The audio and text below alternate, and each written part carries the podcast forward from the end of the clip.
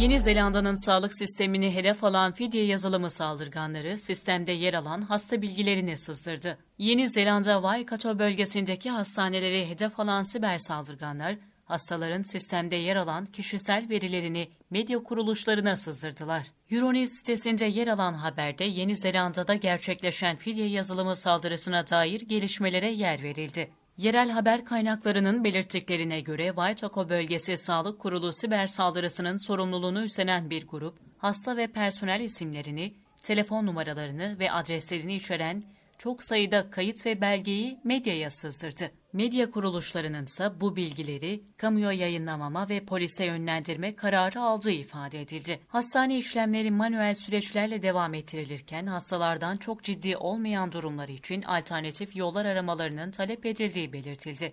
Yetkililer konuyla ilgili medyada yer alacak açıklamaların saldırganların davranışlarını şekillendirebileceği için daha fazla yorum yapmaktan kaçınıyorlar. Resmi makamlar saldırganlara herhangi bir fidye ödemesi yapmayı reddettiler.